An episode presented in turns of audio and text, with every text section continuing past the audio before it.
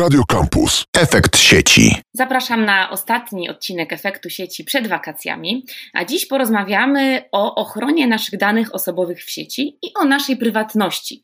A to w kontekście pewnej historii, która wydarzyła się całkiem niedawno. Niejaki Max Schrems, aktywista austriacki, zaskarżył działania Facebooka i to, w jaki sposób Facebook dzieli się naszymi danymi osobowymi z przedstawicielami innych niż europejskie krajów.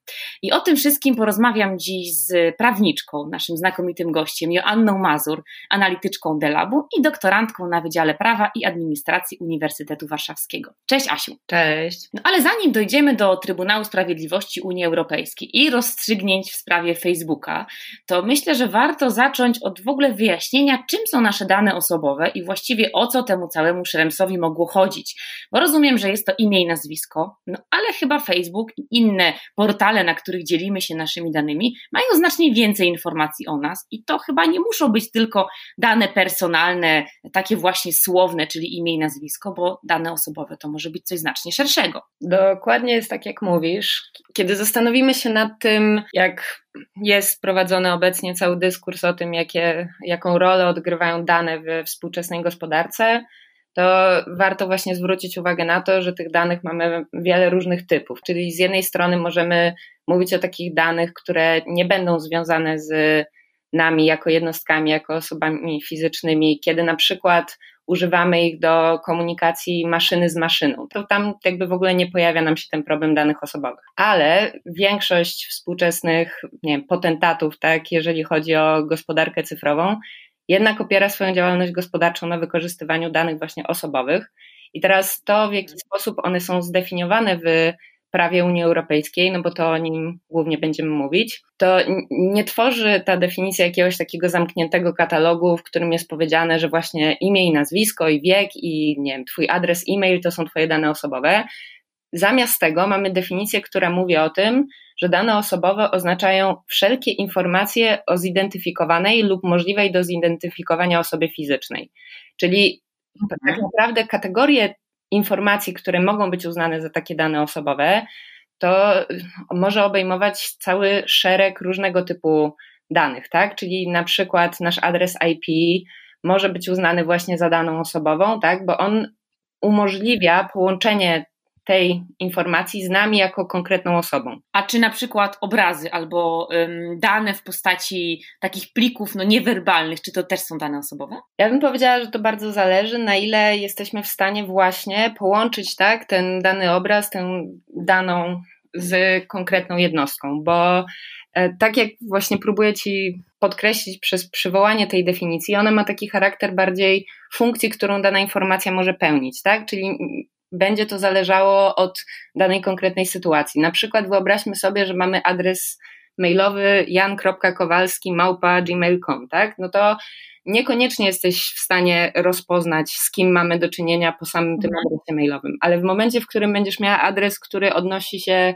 do, ma w sobie konkretną nazwę firmy, w której załóżmy pracuje pięć osób, no to już jesteś w stanie rozpoznać, z kim mamy do czynienia po samym imieniu, nazwisku zawartym w adresie, czy nawet inicjale imienia i nazwisku oraz tej nazwie firmy, która też w tym adresie mailowym będzie uwzględniona. Czyli wydaje mi się, że to jest ważne, żeby podkreślić tak to, to, to zniuansowanie postrzegania danych jako danych osobowych lub nie, a jednocześnie to, co mówisz o właśnie zdjęciach, tak, czy różnego typu informacjach, które są u nas zbierane przez te największe korporacje technologiczne, ale nie tylko. Kiedy sprawdzimy sobie, jak wiele różnych kategorii informacji zbiera o nas właśnie na przykład Facebook, okazuje się, że te informacje obejmują zarówno te treści, które my postujemy, to co udostępniamy, to w co klikamy, to z jakiego urządzenia się logujemy, to kiedy się logujemy i tak dalej, i tak dalej, i tak dalej. W pewnym momencie, kiedy toczyła się ta debata związana z Cambridge Analytica i tym skandalem, e, okazało się, że tak naprawdę zbieranych jest o nas, nie wiem, 90 parę różnego typu jakby informacji na mhm. temat naszej działalności w, w sieciach społecznościowych, a jak zaczniemy kumulować ilu różnego typu, czy z ilu różnego typu usług online korzystasz, no to okaże się, że tych informacji są prawdopodobnie tysiące czy setki. A kto nad tym wszystkim czuwa? Bo rozumiem, że te dane krążą w sieci, mogą się czasem nawet zgubić, o czym e, słyszeliśmy przy skandalu ze zgubieniem danych osobowych przez jedną z warszawskich uczelni. Znaczy zagubieniem, właściwie nie było tam wycieku, ale zostały zgubione dane osobowe. Mm. Ale jakie instytucje czy jakie akty prawne regulują to, co z tymi danymi się może dziać i czy my możemy jako użytkownicy czuć się bezpieczni, że jest ktoś, kto czuwa nad tym e, przepływem naszych danych osobowych tej czy innej e, treści w sieci? Ja myślę, że możemy na to zagadnienie spojrzeć z dwóch stron. Jeżeli pytasz właśnie o tę perspektywę prawną, to mamy instytucje zarówno na jakby poziomie krajowym, jak i na poziomie unijnym, które są odpowiedzialne za wydawanie wytycznych w sprawie tego, jak właśnie ma wyglądać przestrzeganie prawa ochrony danych osobowych. W Polsce to jest prezes Urzędu Ochrony Danych Osobowych, ale jakby to jest nasz krajowy organ nadzorczy, ale mamy też takie instytucje na poziomie unijnym, czyli Europejskiego Inspektora Danych Osobowych, Europejską Radę Ochrony Danych Osobowych, czyli jest pewien poziom jakby europeizacji, tak? To nawet coraz wyższy poziom europeizacji w ogóle zagadnienia tego, e, jak i jakie instytucje są odpowiedzialne za dążenie do tego, żeby prawo ochrony danych osobowych było przestrzegane. One mogą wydawać różne decyzje, dotyczące tego, tych naruszeń, tak, które mogą się pojawiać. Mogą też stosować właśnie takie środki bardziej miękkie, właśnie opinie na temat jakichś dokumentów, czy, czy wytyczne, jak rozumieć rozporządzenie, o, ogólne rozporządzenie o ochronie danych osobowych. A z drugiej mhm. strony mamy też pozycję administratora, administratorów danych osobowych, podmiotów przetwarzających dane osobowe, czyli na poziomie konkretnych instytucji, konkretnych przedsiębiorstw, Mamy również osoby odpowiedzialne za przestrzeganie prawa ochrony danych osobowych w tych jakby mniejszych jednostkach. Czyli z jednej strony, kiedy myślimy o takich operacjach na poziomie codziennym, co się dzieje na przykład, jak są wykorzystywane Twoje dane osobowe przez Twojego pracodawcę, tak, to on jest odpowiedzialny za to, żeby dążyć do tego, żeby te przepisy były przestrzegane, no ale i to wszystko odbywa się w świetle tych regulacji, które, do których e, przestrzegania stworzone zostały instytucje będące odpowiedzialnymi konkretnie właśnie za zagadnienia ochrony danych osobowych no dobrze, rozmawiamy o danych osobowych i nie wiem, czy to nie jest pytanie laika, ale to, to wybacz, jeśli ono jest zbyt proste, ale kilka lat temu e, no, pojawiło się tak zwane RODO, które zrewolucjonizowało nasze myślenie o danych osobowych. Ten twór taki enigmatyczny, bo przecież niektórzy z nas do dzisiaj nie wiedzą, z czym to RODO się je, no ale to, to, to była taka wielka akcja, jakby nie wiem, rozpoczęcia chyba dbania o nasze dane osobowe i te wszystkie oświadczenia, orzeczenia, e, administratorzy naszych danych osobowych nagle pojawili pojawiły się osoby, które mają jakieś prawa do naszych danych, ale reszta tych praw nie ma. No i moje skojarzenie e, w kontekście tej rozmowy jest takie, a co do tego wszystkiego ma RODO i gdzie tu jest RODO i czy to, o czym mówisz, to jest też RODO, czy to jest zupełnie e, inna przestrzeń ochrony, a może a może to się dubluje, czy to są zupełnie inne akty prawne? Gdzie ma się w tym wszystkim RODO? Wydaje mi się, że z perspektywy takiego mniej zainteresowanego ochroną danych osobowych użytkownika internetu, faktycznie wprowadzenie ogólnego rozporządzenia o ochronie danych, czyli RODO, sprawiło, że kwestia ta stała się bardziej rozpoznawalna i wiem, dostrzegana przez takich po prostu osoby korzystające z sieci. I RODO jest y, aktem prawa właśnie unijnego, które miało na celu dokonanie reformy unijnego prawa ochrony danych osobowych. Bo to nie jest tak, że przed RODO na poziomie Unii Europejskiej dane osobowe były w ogóle niedostrzeżone i to zagadnienie nie było regulowane. Mieliśmy już od połowy lat 90. dyrektywę, która właśnie tworzyła taką, takie ramy prawne, tak, tego w jaki sposób, w jakich celach, na jakich zasadach można przetwarzać dane osobowe, jakie prawa mają użytkownicy. Tylko, że problem z dyrektywą polega na tym, że ona zobowiązuje państwa do osiągnięcia jakichś konkretnych celów, ale zostawia im swobodę co do tego, jakich środków używają do osiągnięcia tych celów. Natomiast mhm. zasadniczo jest tak, że kiedy przyjmujemy rozporządzenie, którym na przykład jest RODO, w pewien sposób ujednolicamy przepisy, czyli już nie, nie zostawiamy państwom tej swobody, tylko raczej tworzymy jednolite ramy, w ramach których jakby wszystkie państwa mają stosować takie same rozwiązania. RODO pod tym względem jest nieco problematyczne, ponieważ ono mimo wszystko jednak zostawia margines swobody co do niektórych kwestii państwom i wprowadza dużo wyjątków, w których państwa mogą jakby stosować swoje, swoje rozwiązania, ale zasadniczo celem było to, żeby po pierwsze wzmocnić ochronę użytkowników, ponieważ, no, jak wszyscy się domyślamy, od połowy lat 90. do 2016, 18 wiele się zmieniło, jeżeli chodzi o korzystanie z danych i z internetu, i po prostu dostrzeżono potrzebę znowelizowania mhm. tak, tych rozwiązań, które w latach 90. wydawały się innowacyjne, ale jednak w świetle tego, w jaką stronę rozwinął się internet, okazało się, że warto by jednak spróbować w jakiś sposób je dostosować do, do tego, jaką rolę zaczęły odgrywać dane w gospodarce, w życiu społecznym. No a z drugiej strony, właśnie oprócz tego wzmocnienia ochrony, starano się też jednak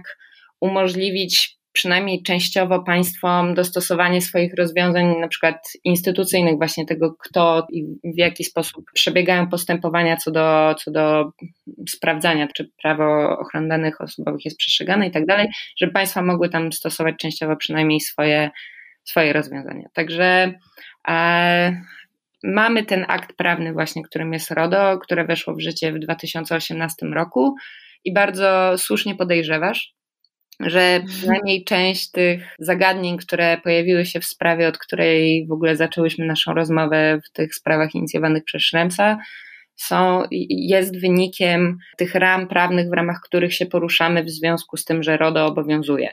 Czyli mamy taką sytuację, że RODO tworzy takie najszersze, najbardziej ogólne ramy, które w jakiś taki podstawowy sposób mówią nam właśnie o tym, tak, jakie zasady powinny stać u podstaw tego, jak przetwarzamy dane osobowe, mówi o tym, jakie mamy prawa, właśnie mówi o tym, jakie kompetencje czy zadania powinny mieć te instytucje, które mają służyć do tego, żebyśmy, żeby prawo ochrony danych osobowych było przestrzegane. Ale jednocześnie ono odnosi się do, też do kwestii, e, która wiąże się z poziomem globalizacji transferów danych w współczesnym świecie, czyli tym, że ok, my tutaj w Unii Europejskiej mamy swoje zasady, dajemy użytkownikom jakieś prawa, ale to nie jest tak, że dane Europejczyków są przetwarzane tylko w Europie, to jest tak, że są też przesyłane do innych państw. No i potrzebne są różne mechanizmy, które będą nam mówiły o tym, w jaki sposób mamy sobie radzić z tym, z tym fantem, tak? Czyli z tym, że właśnie w innych państwach e, nie należących do Unii Europejskiej, czy nie należących do Europejskiego Obszaru Gospodarczego, E, dane osobowe mogą być przetwarzane na zupełnie innych zasadach. No i tu właśnie pojawia się historia Maxa Schremsa, który no, zaskarżył Facebooka o to, że podzielił się danymi osobowymi użytkowników europejskich ze swoimi siedzibami za oceanem. Mm. Na czym polegała ta skarga i jaki jest werdykt w tej sprawie? Więc ta saga ciągnie się już od dłuższego czasu, bo Max Schrems już jakby w ramach poprzedniego stanu prawnego, czyli jeszcze w oparciu o e, decyzję, która została wydana na podstawie tej dyrektywy z połowy lat 90., o której wspomniałam, już wtedy zaczął podnosić jakby kwestię problemu związanego z transferem danych właśnie z Unii Europejskiej do Stanów Zjednoczonych, ponieważ mamy co najmniej dwa, a tak naprawdę trochę więcej mechanizmów, które mogą uczynić takie przekazywanie danych jakby zgodnym z prawem. Czyli z jednej strony mamy mechanizm tak zwanych standardowych klauzul umownych, i to jest taki mechanizm, który e, ma właśnie służyć przedsiębiorstwom, które mają siedzibę, czy działają, tak, prowadzą działalność gospodarczą w różnych państwach. I te standardowe klauzule umowne mają im ułatwić przekazywanie danych między tymi różnymi państwami, w których one prowadzą swoją działalność. I to jest jakby jeden z aspektów tej sprawy, ale on jest mniej nie wiem, kontrowersyjny i mniej e, budzący jakie, jakieś emocje. Ważniejszym jest drugi, czyli e, kwestia decyzji, które są wydawane przez Komisję, Komisję Europejską, które dotyczą tego, czy uznajemy w jakimś innym państwie poziom ochrony danych osobowych za równoważny z tym, który mamy my tutaj w Unii Europejskiej. I właśnie na przykładzie Facebooka, którego właśnie dotyczy ta sprawa, tak, wokół której pojawiły się pytania skierowane do Trybunału Sprawiedliwości Unii Europejskiej, jednym z elementów podnoszonych w tej sprawie była decyzja, tak zwana tarcza prywatności, która była takim aktem definiującym, opowiadającym o tym, że właśnie mamy pewne mechanizmy, zasady, w oparciu o które uznajemy ten standard ochrony danych osobowych w Stanach Zjednoczonych za równoważny z unijnym.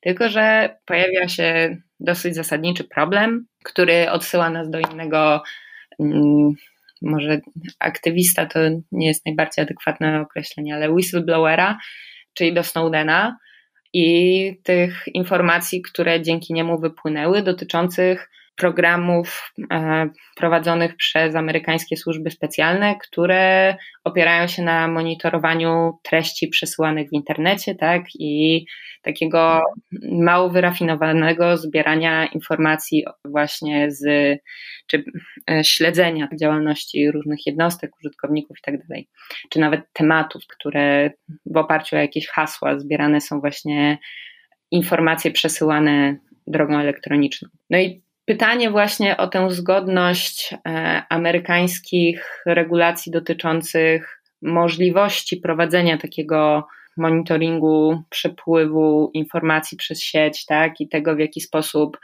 e, jakie uprawnienia mają amerykańskie służby specjalne w zakresie zbierania właśnie informacji z komunikatów, tak, przesyłanych przez, przez jednostki i, i śledzenia ich, jak ich uprawnienia w, w, tym, w tym obszarze mają się do tego, w jaki sposób Unia Europejska zdecydowała się uregulować kwestie ochrony danych osobowych. Jak się mają? Czy Stany Zjednoczone mogą dowolnie manipulować naszymi danymi? Jak, jak ten wyrok Trybunału rozstrzygnął sprawę Schremsa? Wyrok Trybunału właśnie w tej sprawie Schrems 2, mimo tego, że właściwie Trybunał nie do końca musiał to zrobić, to jednak zdecydował się stwierdzić, że te rozwiązania, które zostały wypracowane w ramach tej decyzji, tej tarczy prywatności, nie są zgodne z tym, jakie standardy ochrony powinny obowiązywać, jeżeli chodzi o przetwarzanie danych w oparciu o standardy tak wypracowane w, w Unii Europejskiej. Czyli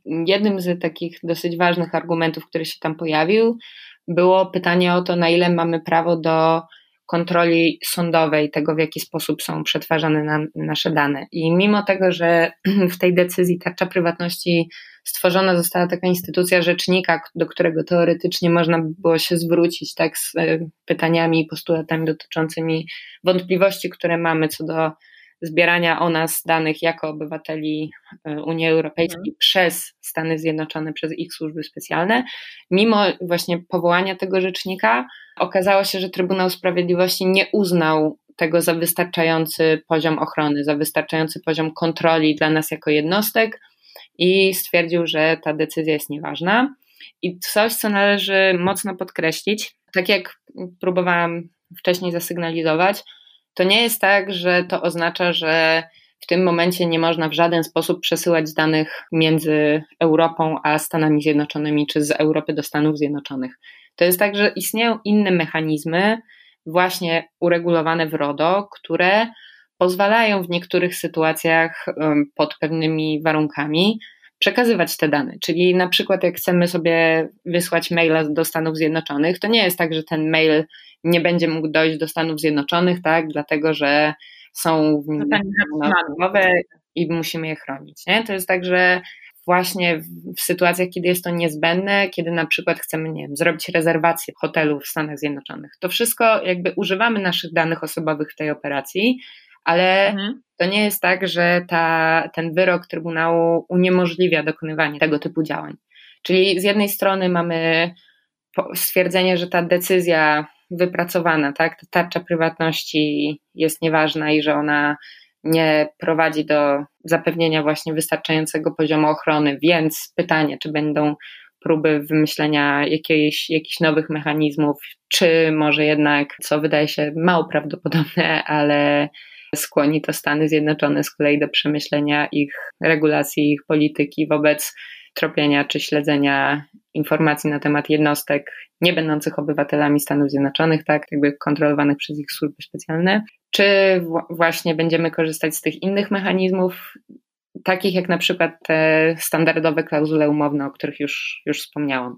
Czyli mamy jakby inne rozwiązania, pytanie, co będzie dalej. No i pytanie, czy my jako użytkownicy jesteśmy świadomi tych rozwiązań i też e, całego instrumentarium różnych narzędzi, które chronią nasze dane osobowe, a to chyba do czego możemy nas wszystkich zachęcić, to żeby jednak warunki przetwarzania danych osobowych czytać, chociaż są drobnym e, druczkiem napisane gdzieś z tyłu wszystkich dokumentów, to jednak mm. może warto co się z naszymi danymi osobowymi dzieje, co się dziać może i też kto nad tym wszystkim czuwa, żeby nie wyciekły one i nie zgubiły się gdzieś po drodze. Asia, bardzo Ci dziękuję za rozmowę, za y, wtajemniczenie nas w niuanse rozwiązań prawnych, bo myślę, że ta, to jest wiedza, która y, nie jest wiedzą powszechną, a jest bardzo cenna i, i potrzebna, szczególnie dla nas, użytkowników sieci. Także dziękuję pięknie. Naszym gościem Dzięki była Joanna Mazur prawniczka, analityczka Delabu i doktorantka na Wydziale Prawa i Administracji Uniwersytetu Warszawskiego. Dziękuję, Asiu. Dzięki. Efekt sieci. Radio Campus. Same sztosy.